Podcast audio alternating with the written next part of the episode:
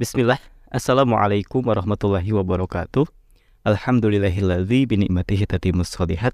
Allahumma sholli ala Muhammad wa ala ali Muhammad amma ba'd. Pendengar yang berbahagia, semoga kabar Anda senantiasa dalam keadaan terbaik ya. Sehat walafiat, sehat fisik maupun fesak. Amin. Atau mungkin bagi Anda yang tengah berniaga, tengah menjadi seorang pedagang atau apa pun itu, semoga Allah lancarkan dan dimudahkan rezekinya. Amin ya Allah ya Robbal Alamin. Baik pendengar di mana pun Anda berada, bertemu kembali bersama saya Maiki di kajian rubrik fikih muamalah.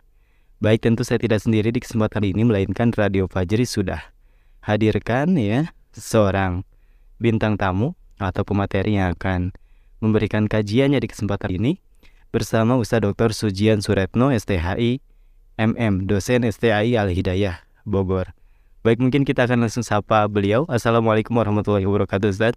Waalaikumsalam warahmatullahi wabarakatuh. Kang Iki, apa kabar? Alhamdulillah sehat, Ustaz. Ustaz sendiri gimana kabarnya? Alhamdulillah sehat. Masya Allah. Baik, kita akan membahas sebuah tema yaitu fikih ringkas jual beli. Baik, Kang Iki. Karena tidak sedikit Ustaz dari kita mungkin yang profesinya selain bahkan ya berdakwah gitu ya, ada juga mungkin yang sambilan berdagang Ustaz ya di offline maupun online Ustaz ya. Sekarang bahkan sudah canggih lagi ya jualannya di online ya. Iya, betul. Di era digital ini jadi lebih gampang mungkin tinggal ketik gitu pesan ya di HP. Kemudian si produk yang ingin kita beli udah di depan rumah gitu ya. Apakah itu akan disinggung juga nanti Ustaz ya? Perubahan zaman Bahas, insya Allah. Insya Allah ya mungkin ini sebenarnya kalau di judul fikih ringkas saja fikih ringkas jual beli.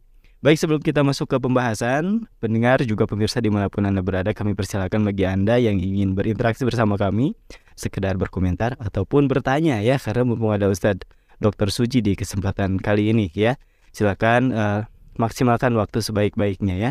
Bagi anda yang ingin bertanya silakan ke 0811 1110 993. Baik Ustaz, mungkin kita akan langsung masuk ke pembahasan di sesi pertama ya. Khusus untuk kajiannya Ustaz ya. Fikih ringkas jual beli silakan Ustaz. Ya baik, terima kasih ya Kang Egi. Sama-sama.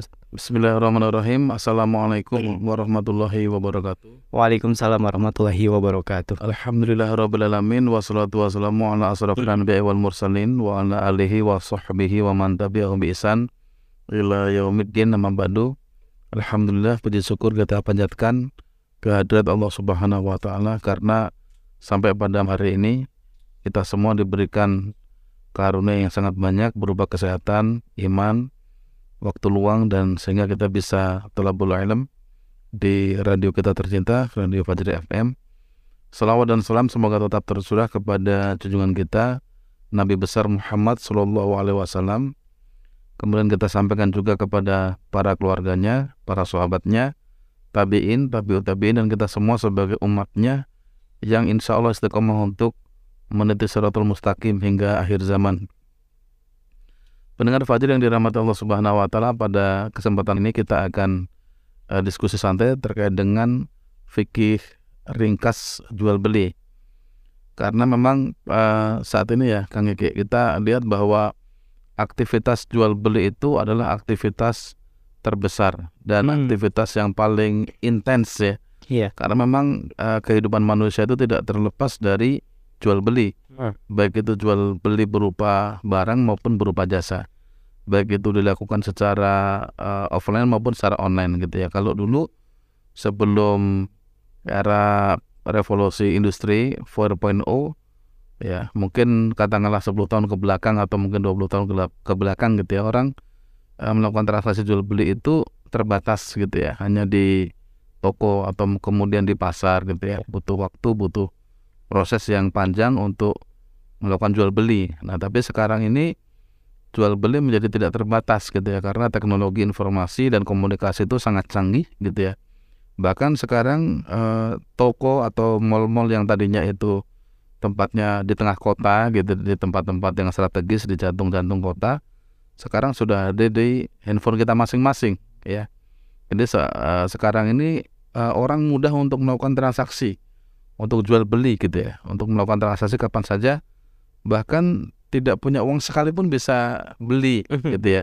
Kalau Iya. misalkan ada barang-barang yang dia sukai, dia buka marketplace gitu ya. Tinggal masuk-masukin keranjang nanti COD dan segala macam gitu ya. Nah, di sini memang kita uh, melihat ya sangat rentan sekali terkait dengan masalah jual beli ini karena uh, banyak hal-hal yang uh, terkadang uh, terlanggar gitu ya tanpa kita sengaja seperti itu. Nah, baik kita akan uh, bahas uh, sedikit ya Kang Iki terkait dengan masalah fikihnya bahwa yang pertama kita akan uh, bicara masalah hukumnya ya bahwa hukum jual beli itu adalah halal. Allah Subhanahu wa taala berfirman, "Wa ahallallahu al-bai'a wa harrama riba." Dan Allah telah menghalalkan jual beli dan mengharamkan riba, ya. Jadi jelas ya bahwa jual beli ini halal dan riba ini haram, ya. Tetapi eh, sering ya kita jumpai dalam jual beli ini juga terkadang mengandung riba. Kalau kita nanti tidak hati-hati, gitu ya. Kadang ada ribanya, kadang ada gorornya, kadang ada maisirnya seperti itu. Tapi intinya bahwa jual beli ini adalah halal. Ini hukumnya seperti itu. Nah kemudian yang kedua, ini ada rukun ya terkait dengan masalah jual beli. Jadi eh, Kang Iki rukun jual beli itu ada tiga. Yang pertama adalah eh, pihak yang berakad ya. Di dalamnya ada penjual dan pembeli. Kemudian ada barang tentunya yaitu eh, makut alaihi dan ada sigoh ya pihak yang berakad. Nah di sini eh, pihak yang berakad itu dia mencakup eh, penjual dan pembeli gitu ya. Nah sedangkan kalau makut Allah itu eh, terkait dengan masalah barang yang diperjualbelikan gitu ya. Jadi eh, minimal ada empat komponen itu ya. Ada penjual ya kan, kemudian ada pembeli, kemudian ada barang atau objek yang diperjualbelikan, kemudian yang keempat itu adalah sigo, ada akad. Walaupun nanti akad itu bisa dengan ucapan lisan ataupun cukup dengan perbuatan. Nah, itu juga di apa diperbolehkan. gitu ya. Nah, kemudian kita ke syarat eh, jual beli. Ya. Syarat yang pertama dalam jual beli itu adalah eh, antarodin atau saling ridho, ya. Nah, di sini Allah Subhanahu wa taala berfirman di dalam Al-Qur'an surat An-Nisa ayat yang ke-29. Ya ayyuhalladzina amanu la ta'kulu amwalakum bainakum bil batil illa an takuna tijaratan an taradin minkum. Jadi Allah berfirman, wahai orang-orang yang beriman, janganlah engkau memakan harta di antara kalian dengan cara yang batil kecuali dengan tijaroh, dengan jual beli yang kalian saling kerido gitu ya. Jadi eh, kita eh, dilarang gitu ya. Jadi kalau kita lihat eh, pada eh, ayat yang pertama tadi ya Kang Iki ya, wa ahallallahu bai'a wa harrama riba ya. Jadi Allah itu menghalalkan apa namanya jual beli kemudian mengharamkan riba.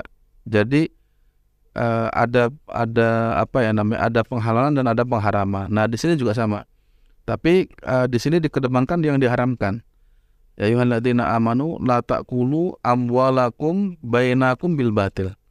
Wahai orang-orang yang beriman, janganlah kalian makan harta di antara kalian dengan cara yang batil illa ya kecuali dengan tijaroh yang kalian itu saling ridho gitu ya. Jadi dalam akad bisnis ini ternyata Allah memperingatkan itu ya. Kita tidak boleh berbuat riba. Yang kedua kita tidak boleh memakan dengan cara yang batil ya. E, memakan harta saudara kita dengan cara yang batil. Nah, di sini yang dimaksud dengan antarodin ya, saling ridho ini adalah bahwa kedua belah pihak itu betul-betul saling ridho ketika jual beli gitu ya. Tidak boleh misalkan uh, memaksa gitu ya. Terkadang ada pembeli yang memaksa, terkadang ada penjual yang memaksa pembeli. Ya. Nah, contoh misalkan ya, pembeli yang memaksa, ya, misalkan begini, ada katakanlah ya kita sebut ada apa ya namanya makanan misalkan gitu ya. Ada makanan gitu ya. Makanan ini misalkan harganya katakanlah 2000 gitu ya. Nah, terus kemudian orang yang beli ini dia hanya membawa uang 1500 gitu kan. Nah, mungkin katakanlah uh, gorengan gitu ya. Mungkin ya atau apa saja lah gitu ya. Uh, harganya itu 2000 ya, harga resminya 2000. Kem- Kemudian ada orang yang eh, membeli tapi tidak cukup uang gitu ya. Dia tawar, ini 1.500 aja deh. Gitu ya. Lantas dia ambil gitu ya. Lantas dia ambil makanannya kemudian dia berikan uangnya dan dia pergi. Ya, itu kan namanya memaksa. Ya, itu tidak boleh ya. Dan transaksi seperti itu tuh batal. Ya, atau juga misalkan ada eh, penjual yang memaksa pembeli gitu. Ini Pak ada barang bagus apa segala macam terus dibujuk rayu gitu ya. Akhirnya orang itu terpaksa membeli atau mungkin dia di bawah tekanan. Nah, itu juga tidak tidak terjadi eh, saling ridho. Nah, itu. Nah, maka jual beli di sini itu harus betul-betul eh, saling ridho. Kedua belah pihak itu saling ridho ya. Kalau saling ridho, nah ini terjadi transaksi yang halal seperti itu. Tapi kalau tidak saling ridho, nah ini terjadi transaksi yang haram seperti itu. Nah kemudian yang ke, yang berikutnya adalah cakap hukum ya, Kang Yeki ya, bahwa eh, penjual dan pembeli ini adalah orang yang balik ya, atau berakal sehat begitu ya. Nah di sini Syekh Abdul Al Jibrin rahimahullah menjelaskan bahwa pelaku transaksi ya ini adalah orang-orang yang memang dibolehkan syarat-syarat ini untuk bertransaksi baik penjual maupun pembelinya gitu ya. Jadi bukan orang yang safihan ya atau orang yang dungu kemudian anak kecil ya kan atau orang gila misalkan. Nah, ini maka tidak akan sah ya jual belinya seperti itu. Nah, tetapi di sini uh, ulama ini membolehkan untuk anak kecil ya yang mungkin katakanlah anak kecil tuh sekarang ada yang usianya mungkin tiga tahun ya. Atau balita katakanlah gitu ya. Yang dia bertransaksi. Itu untuk katakanlah uh, jual beli gitu ya. Barang-barang yang murah itu diperbolehkan. Nggak nggak jadi masalah. Misalkan barang yang harganya 2000 kan bisa anak, -anak minta jajan ya. Yeah. betul kan beli cilok misalkan. Itu boleh. Nggak ada masalah gitu ya. 2000 3000 nah itu seperti itu. Tapi intinya memang harus cakap hukum gitu ya. Karena nanti transaksi itu juga tidak hanya hal-hal yang kecil tapi juga hal-hal yang besar. Tapi kalau untuk hal-hal yang besar itu memang harus orang-orang yang memang sudah balik berakal sehat seperti itu. Nah, kemudian berikutnya barang yang uh, diperjualbelikan ini adalah barang-barang yang memang uh, dia bermanfaat. Ya. Dia tidak boleh mengandung unsur-unsur yang membahayakan. Ya, tidak boleh gitu. Apalagi barang-barang yang haram. Nah, itu jelas tidak boleh. Ya. Yeah. Jual beli homer kah, jual beli apa namanya mungkin hal-hal yang katakanlah melalaikan gitu ya. Uh, alat-alat permainan judi misalkan seperti itu ya. Nah, itu itu tidak boleh gitu ya. Jadi kalau uh, barang itu ya bermanfaat. Maka di sini uh, penting ya bagi penjual gitu ya. Hendaknya jadilah penjual yang menjual barang-barang yang bermanfaat. Barang-barang yang ini memang kalau ini sangat dibutuhkan ya oleh oleh manusia ya kan misalkan ya kan eh, kebutuhan pokok itu barang-barang yang bermanfaat ya kan. Kemudian alat tulis apa segala macam banyak lah gitu. Hmm. itu banyak tidak terhingga ya. Barang-barang tidak tidak terhingga gitu ya. Dan sama juga ya pembeli pun juga uh, di sini diingatkan untuk membeli barang-barang yang memang bermanfaat buat dirinya. Ya seperti itu. Jadi jangan uh, menumpuk di rumahnya barang-barang yang tidak tidak bermanfaat. Nah, itu seperti itu. Ya kemudian Nah ini yang uh, sangat penting ya. Ini uh, hadis yang apa namanya terkenal ya, Kang Iki ya. Ini dari Hakim ya uh, bin Hizam radhiyallahu an ya. Ia berkata uh, waktu itu dia berkata bahwa dalam sebuah hadis yang diriwayatkan oleh Tirmizi itu terkait ini dengan uh, jual beli ya apa namanya barang yang tidak dimiliki ya la tapi malaisa indak gitu ya. ya jadi uh, Rasul bersabda la tapi malaisa indah. Jadi gini, uh, kita tidak boleh uh, menjual barang-barang yang itu belum menjadi milik kita, hmm. gitu ya. Kita tidak boleh. Ya, jadi kalau misalkan kita mau jualan, maka barangnya itu harus menjadi milik kita. Kalau belum menjadi milik kita, ya itu haram untuk diperjualbelikan. Nah sekarang ini ya, apalagi di dunia online, di dunia yang serba canggih ini, itu banyak orang-orang yang dia jualan gitu ya, tapi barangnya belum menjadi miliknya. Ya, contoh misalkan ya orang katakanlah misalkan beli uh, beras yeah. gitu ya. Misalkan uh, beli beras misalkan satu ton ya kan. Misalkan harganya misalkan uh, apa namanya 100 juta gitu ya. Kemudian dia akan jual kembali ada orang yang memang membutuhkan itu dia akan jual 150 juta misalkan ya. Dia belinya 100 juta, kemudian beras itu akan dia jual 150 juta gitu kan. Nah kemudian ke, dia ketika dia beli ya kepada toko itu, dia sebenarnya baru bayar DP misalkan.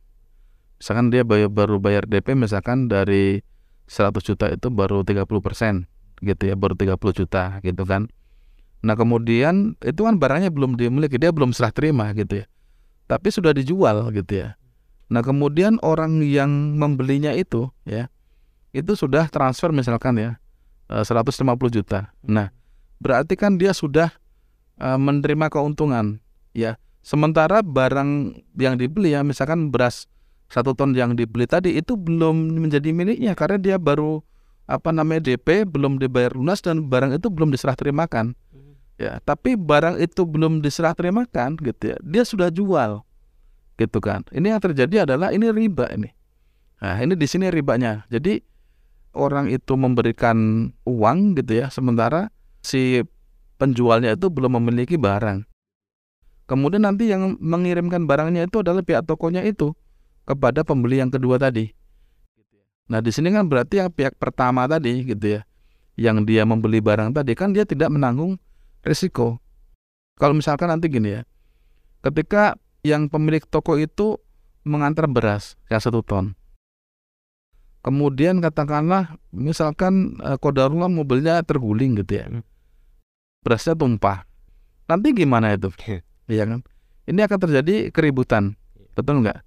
Gitu ya. Yang uh, pembeli pertama merasa bahwa saya sudah beli saya sudah bayar kok. Karena si pihak yang kedua tadi dia sudah transfer satu apa namanya 150 juta dia sudah bayar kan gitu ya. Nah, sementara pihak yang katakanlah membeli tadi gitu ya, pihak yang kedua, yang ketiga tadi gitu ya, dia kan hubungannya dengan pihak yang tadi gitu, yang pertama tadi. Nah, padahal barangnya itu masih punya toko tadi. Nah, ini akan menjadi masalah gitu ya. Karena pada dasar pada dasarnya orang yang menjual tadi ya, pihak yang menjual tadi yang pertama tadi beli terus kemudian dia jual, dia tidak menanggung risiko. Hmm. Sementara jual beli itu dia harus uh, menanggung risiko. Nah, itu seperti itu. Dan dan praktiknya gitu ya, itu seperti tukar menukar uang kemudian berlebih gitu ya. Dia apa melepaskan uang 100 juta kemudian uang 150 juta masuk dia sudah dapat keuntungan kan? 50 juta. Sementara barang belum dia miliki ya kan? Yeah. masih di tengah toko kemudian tokonya katakanlah eh, ngantar barang di tengah perjalanan misalkan terguling. Nah ini kan menjadi bahaya. Nah ini ini faedahnya sangat besar ya. Jadi latabe malaisa endak kita tidak boleh menjual gitu ya barang-barang yang ini memang belum kita miliki sepenuhnya gitu. Ini ini sangat penting dan sekarang hal ini banyak terjadi gitu ya. Banyak orang-orang itu yang mereka menjual barang orang lain. Nah, transaksi semacam ini adalah transaksi yang dia itu tidak hanya haram tapi dia memang transaksi riba dan ini adalah riba murni.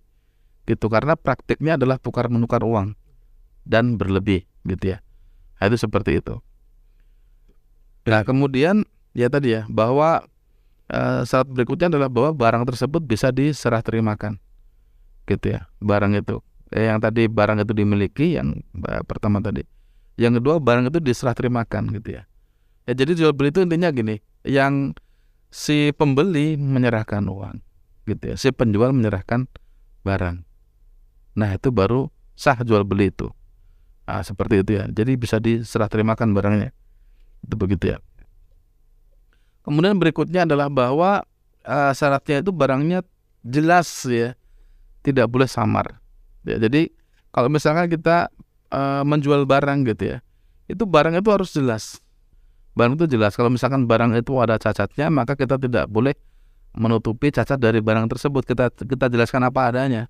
Kalau memang kita menjual barang itu cacat, kecuali kalau misalkan uh, kita modelnya seperti uh, sahabat Abdurrahman bin Auf radhiyallahu gitu ya. Beliau tidak mau menjual barang yang cacat ya barangnya yang barang-barang yang dijual itu adalah barang-barang yang fresh barang-barang yang bagus. Itu it's okay boleh gitu ya. Tapi kalau misalkan katakanlah barang yang kita jual ternyata ada yang cacat gitu ya itu maka kita hendaknya ngasih tahu gitu ya. Kita kita kasih tahu bahwa barang ini ada cacatnya ada kerusakannya. Nah, itu seperti itu. Jadi tidak boleh ya karena kalau kita menjual ya barang yang apa namanya cacat itu maka itu kita telah mendolimi saudara kita Baik, kemudian berikutnya adalah terkait dengan masalah harga ya, Kang Iki. Nah, ini harganya harus jelas. Gitu ya. Jadi ketika kita jual beli eh, ketika kita jual beli barang itu itu harganya harus dari awal harus jelas. Jangan kita tidak seolah-olah tidak menetapkan harga gitu ya. terkadang kan orang mengambil mengambil ini ya mengambil apa namanya barang gitu ya. misalkan pas ambil bar- barang dulu ya oh ya ambil aja ya kan. Kan itu nggak jelas gitu. Nah, nanti apa namanya nanti saya transfer kan nggak jelas gitu. Ini berapa itu?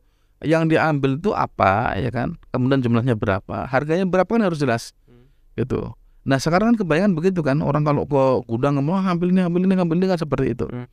ya tanpa ada suatu kejelasan harganya gitu. Ya kita harus jelas boleh kita melakukan jual beli uh, kredit gitu ya. Tetapi tetap harganya harus jelas gitu ya. Jadi harganya uh, barangnya apa harganya berapa gitu ya. Nah kemudian transaksinya apakah ini mau apa mau cash apa ini mau kredit ini harus jelas gitu ya. Harganya harus jelas gitu ya. Kalau cash berapa kalau uh, kredit berapa seperti itu. Jadi tidak boleh kalau ini harganya majhul tidak jelas gitu ya. Nah baik. Eh, berikutnya Kang Iki ya ini ada macam-macam jenis-jenis jual beli ya.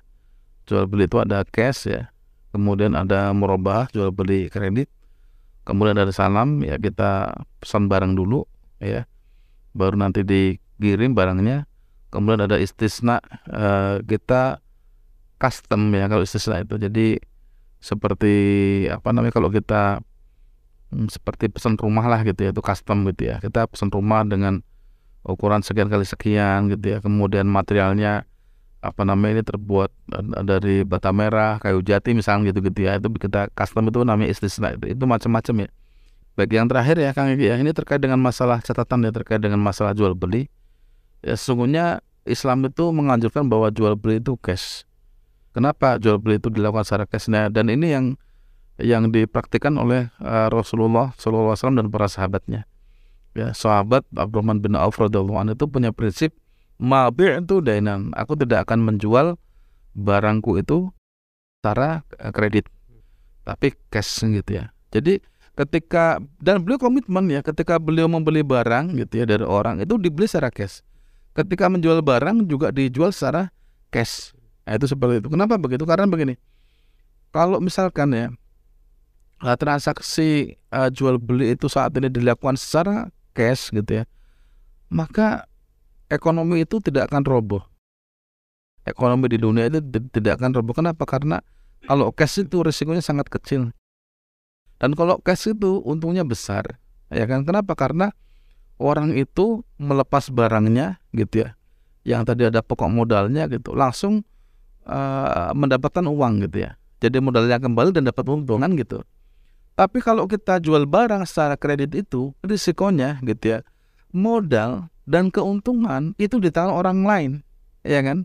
Di tangan orang lain itu kalau kembali kalau tidak itu kan sangat Iya. sangat tinggi gitu ya. Nah itu seperti itu. Itu itu hikmahnya ya kita jual beli secara cash. Kemudian yang kedua kalau kita melaksanakan jual beli, jual beli secara cash kita dari sisi pembeli gitu ya kita dari sisi pembeli ini kita akan membiasakan diri. Kalau misalkan saya tidak punya uang, ya saya tidak belanja. Saya tidak memaksakan diri untuk beli. Benar. Ya, kan seperti itu. Misalkan gini, "Eh, Kang Iki, saya pengen punya motor karena saya nggak punya motor untuk kebutuhan kerja gitu ya. Tapi kalau beli motor baru kan mahal ya kan. Iya. Misalkan motor kalau beli baru misalkan cash 20 juta. Ya kan, ya sudah saya nabung dulu lah gitu ya. Setelah nabung ya 500 ribu, 1 juta. Ternyata ada motor yang harganya 5 juta. Hmm. Ya saya tidak perlu beli motor yang baru. Iya. Yang penting berfungsi. Nah seperti itu kira-kira. Ya jadi kalau kita apa ya namanya melakukan transaksi secara cash itu barang-barang itu menjadi murah. Iya. Barang-barang itu menjadi murah dan kita punya daya beli masyarakat itu. Tapi kebalikannya kalau barang itu diperjualkan secara kredit maka barang itu menjadi mahal. Ya akan jauh dari pokoknya. Ah itu seperti itu. Jadi agar itu tidak menjadi kebiasaan, tidak menjadi apa namanya gaya hidup atau budaya gitu ya. Akhirnya kita akhirnya sekarang kan kita ada dimudah- dimudahkan utang apa segala macam kita jadinya utang utang utang utang utang seperti itu. Nah itu.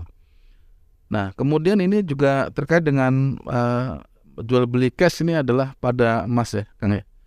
Kalau pada eh, emas itu kita jual belinya itu secara kredit maka ini terjadi riba dan eh, emas termasuk komunitas barang-barang ribawi gitu ya. Kemudian tidak boleh kita mengurangi timbangan atau minta dilebihkan timbangannya gitu ya.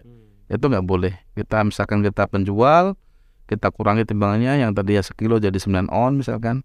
Atau kita sebagai pembeli ah tambah dikit dong mang. Nah, kita kita juga tidak boleh gitu ya.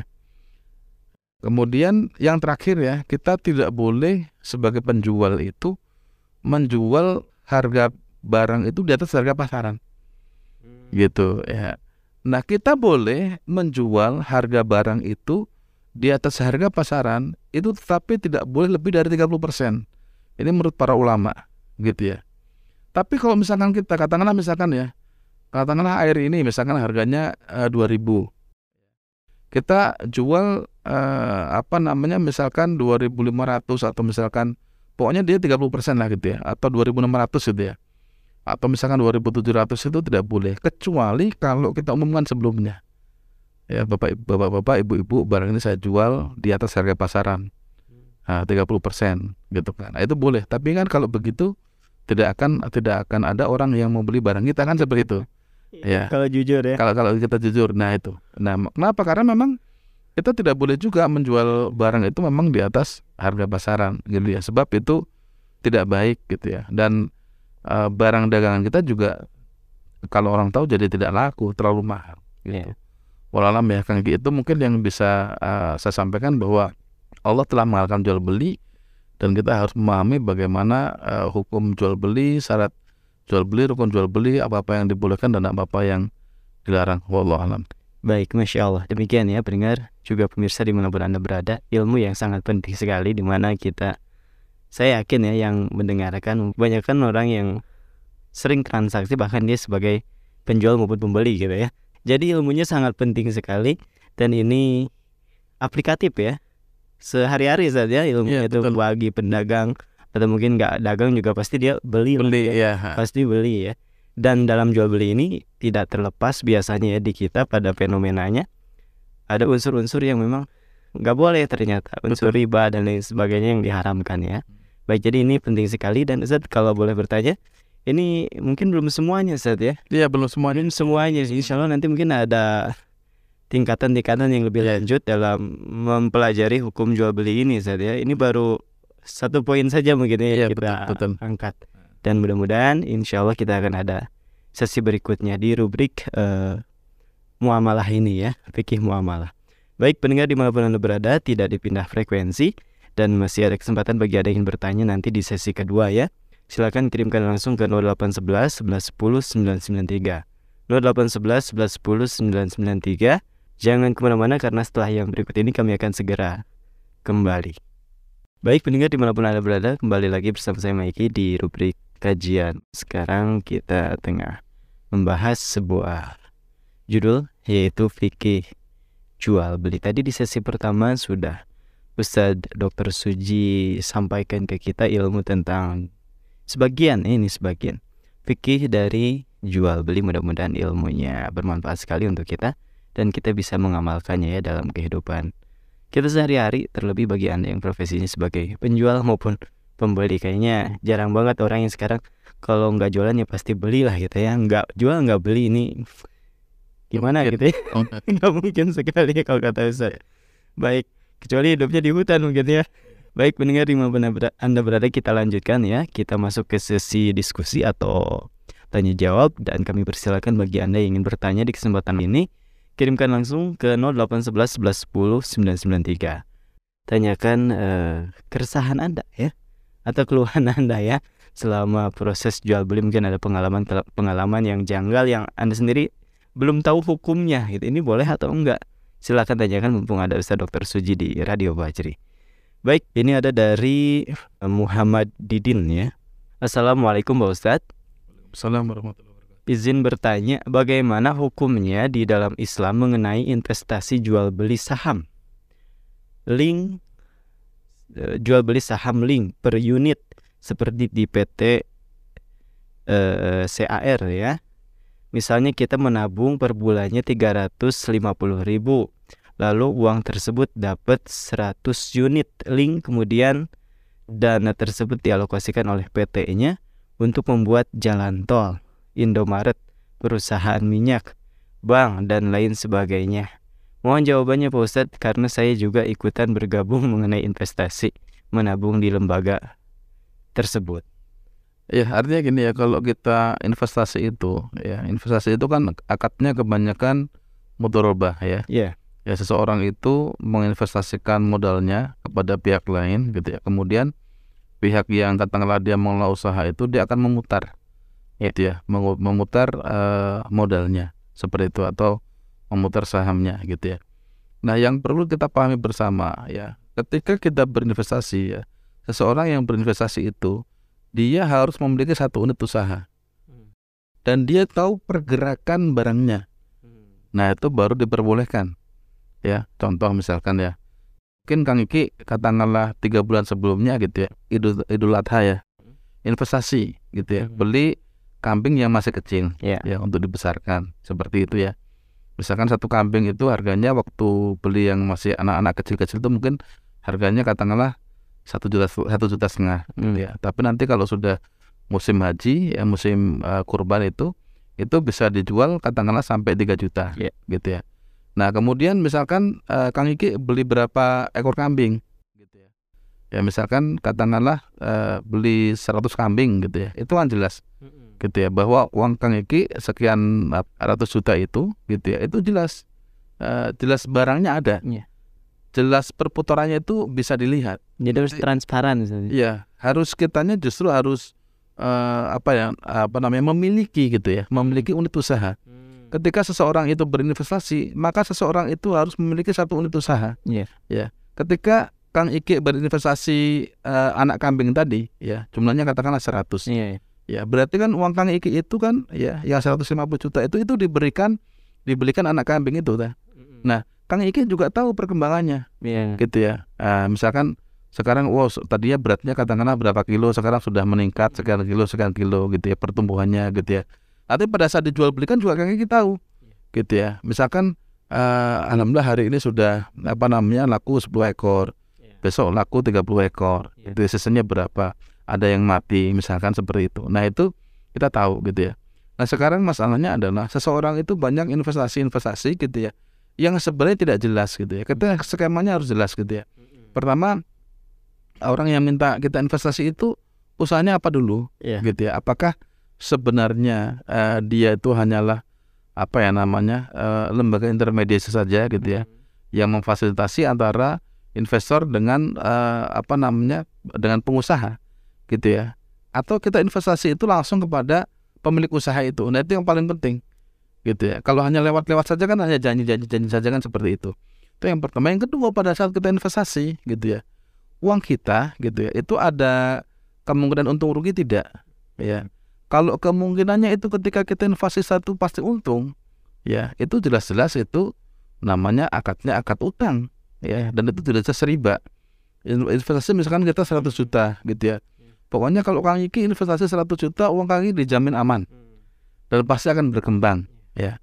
Nah itu jelas-jelas itu riba gitu ya karena eh, Kang Iki tidak tidak ada risiko, tidak ada risiko kerugian di situ. Dan bisnis itu Pak pasti ada risiko untung rugi. Wallahu alam. Kira-kira seperti itu Kang. Baik. Jadi harus jelas gitu.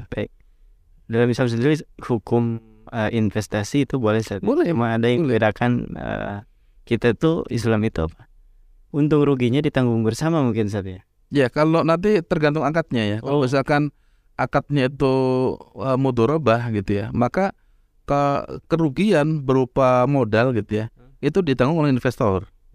Ya. Tapi kerugian berupa waktu, tenaga, pikiran itu itu di, ditanggung oleh mudorib yang dia mengelola usaha gitu ya dengan catatan gitu ya bahwa kerugian yang terjadi itu bukan atas kelalaian dia. Nah, itu seperti itu. Baik. baik. Nah, kalau nanti akadnya musyarakah, Ya. nah, itu untung ruginya itu ditanggung bersama. Nanti Ya. tergantung kontribusi modal masing-masing kedua belah pihak itu. Berapa kontribusi dananya Ya. itu seperti itu. Dan yang paling penting itu harus jelas Ustadz ya. Harus jelas betul. Baik demikian ya pendengar di mana Anda berada semoga mencerahkan dan membantu menjawab dari pertanyaan tadi ya dari hamba Allah. Syukran sudah bertanya. Selanjutnya ini kali ini ada dari Surya di Bekasi. Assalamualaikum Waalaikumsalam warahmatullahi wabarakatuh. Dalam jual beli biasanya ada perantara atau calo Ustaz ya. Pertanyaannya, berapakah besaran persennya dalam syariat uh, dalam kurung maksimal ya? Berapakah besaran persennya dalam syariat atau maksimal? Kemudian makasih sebelumnya mudah-mudahan bisa disampaikan. Baik ya, terkait dengan uh, percaloan gitu ya. Hmm. Ya intinya calo itu boleh gitu ya. Yang kedua berapa upahnya gitu, Mm-mm. berapa persen Mm-mm. gitu ya.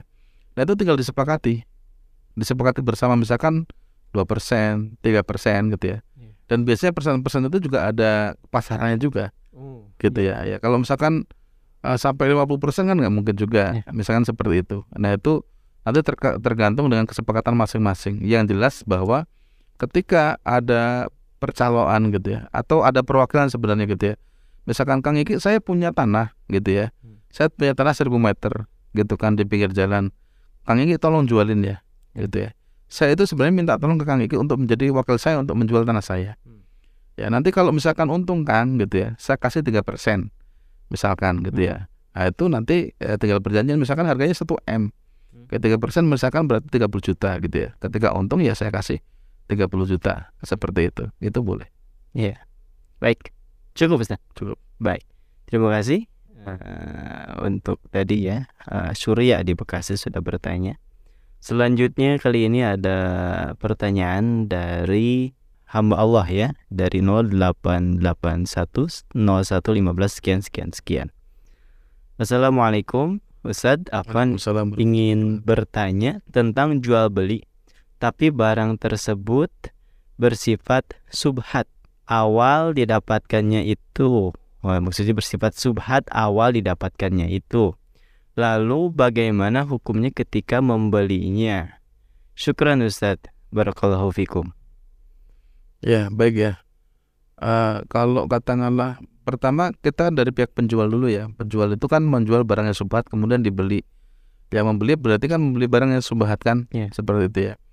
Nah kalau sudah dibeli itu bagaimana gitu ya? Kalau sudah dibeli itu bagaimana? Ya sebenarnya kita dilarang gitu ya untuk membeli barang-barang yang subhat gitu. ya. Yang Hmm. subhat itu macam-macam ya.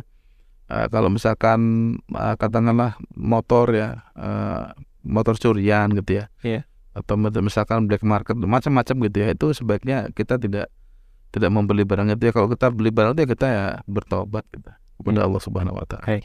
dan jangan mengulanginya lagi gitu Taib. Demikian ya jawaban Ustadz untuk pertanyaan ini dari hamba Allah ya. Selanjutnya kali ini kita bacakan dari Endang ya di Tapos. Maaf mau bertanya, tetangga saya tukang sayur. Nah, kalau pagi rame pembeli.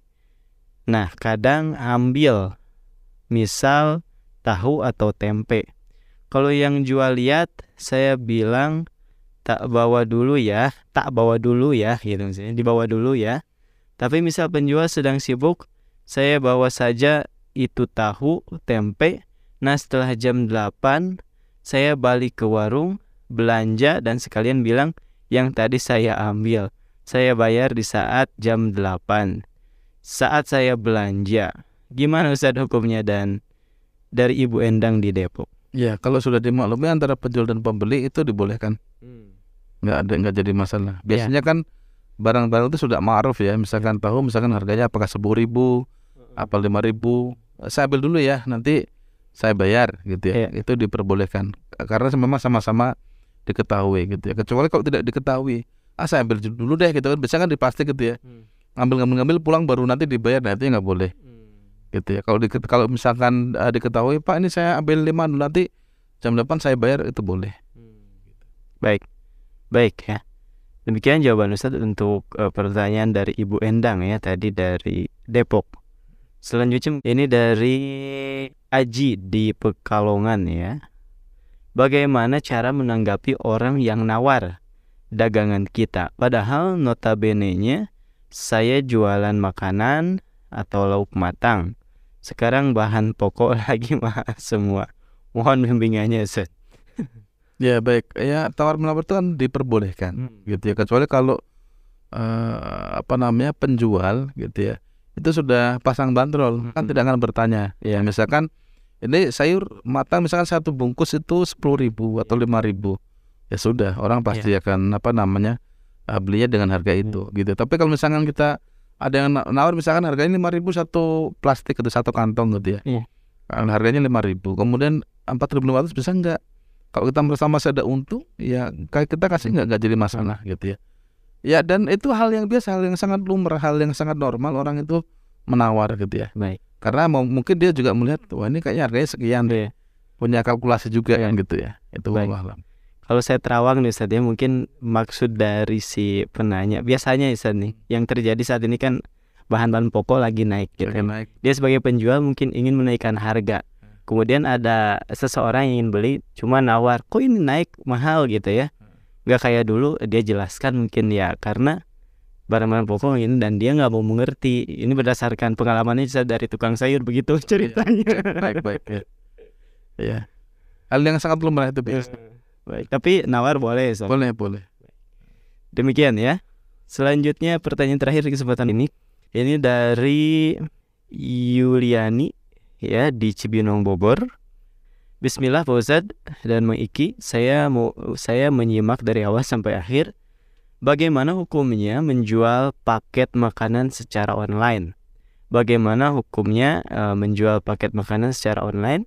Di wilayah saya ada resto yang hanya sistem pesanan sistem pesan makan makanan saja. Ketika saya ingin eh, membeli paket makanan tersebut harus membayar kurir membayar kurir. Salah satu kurir dari jasa kirim Ustaz ya. Ekspedisi ya. Sedangkan dari harga makanan dengan ongkos kirimnya itu lebih mahal ongkirnya Pak Ustadz Bagaimana hukumnya Pak Ustadz? Mengingat jarak ke rumah saya berdekatan Pak Ustadz Oh iya, mengingat zaman sekarang ada penjual, pembeli kurir dan terkadang dan terkadang tips. Oh iya, ini masalahnya kalau saya tangkap harga antaranya gitu Mhm. lebih mahal daripada harga makanannya dikarenakan jarak gitu Ustaz. Ya baik ya tinggal cari tempat lain. Ya, cari warung lain Iya. ya kan yang mungkin tidak harus pakai jasa kurir Iya. dan kita bisa beli langsung sesederhana itu. Iya. Kalau orang yang dia mau jualnya katakanlah eh, apa ya namanya ber- berdasarkan pesanan begitu ya, ya itu juga boleh-boleh saja. Ya tapi kalau misalkan kita kan rumahnya dekat gitu ya, kita cari tempat yang lain Iya. gitu. Kalau jauh emang resiko Ustaz ya. Iya. Dan itu sebenarnya selain membeli barang ya jual beli kita juga jasa saya beli jasa si Iya. kurir tersebut yang mana Iya. mau nggak mau harus bayar ya. Ya, karena masalahnya Iya. kan dekat ini jadi kan kalau dekat kan jadi rugi kan gitu ya. Iya. Nah kan tadi ya di awal jual beli kita sampaikan kan antarodin kalau misalkan kita wah ini dekat harus pakai kurir nggak ada ya sudah nggak usah dibeli. Ya, itu seperti itu. Iya iya. Demikian ya. Di kesempatan ini di kajian rubrik fikih muamalah ya. Khususnya kita sedang membahas fikih ringkas jual beli Ustaz. Dan sebelum saya tutup Ustaz mungkin ada eh, sesuatu yang ingin disampaikan? Silakan. Ya baik ya Mangki bahwa eh, aktivitas jual beli saat ini sangat luar biasa ya baik secara offline maupun online gitu ya. Maka kita harus perhatikan syarat rukunnya gitu ya. Dan kita juga harus apa namanya pahami apakah eh, transaksi yang kita lakukan itu mengandung riba, goror, maisir, tipu menipu atau tidak gitu ya. Itu terutama bagi apa namanya penjual yang harus perhatian artinya bahwa orang-orang yang katakanlah bisnis atau katakanlah eh, profesinya itu sebagai eh, pedagang ya jualan gitu ya itu harus betul-betul eh, paham fikih jual beli agar Hmm. tidak tergelincir pada hal-hal yang mengandung eh, keharaman. Wallahu alam. Baik. Ustaz, syukran jazakallahu khair atas ilmunya. Semoga bermanfaat ya dan berguna untuk kita semua dan kita sebagai mustami yang sudah mendengarkan diberikan taufik oleh Allah Subhanahu wa taala untuk bisa mengamalkannya ya dalam kehidupan kita sehari-hari. Amin. Karena ini adalah ilmu yang sangat penting sekali. Baik, jazakumullahu khair pendengar di mana pun Anda berada maupun pemirsa ya atas kesetiaannya kebersamaannya selama kurang lebih satu jam ya dan jangan lewatkan tentunya acara-acara menarik lainnya Radio Fajri FM Suara Kebangkitan Islam akhir kata saya Meki juga mewakili kru yang bertugas pamit undur diri. Mohon maaf atas segala kekeliruan. Subhanakallahumma wa bihamdika asyhadu an la ilaha illa anta astaghfiruka wa atubu ilaik. Wassalamualaikum warahmatullahi wabarakatuh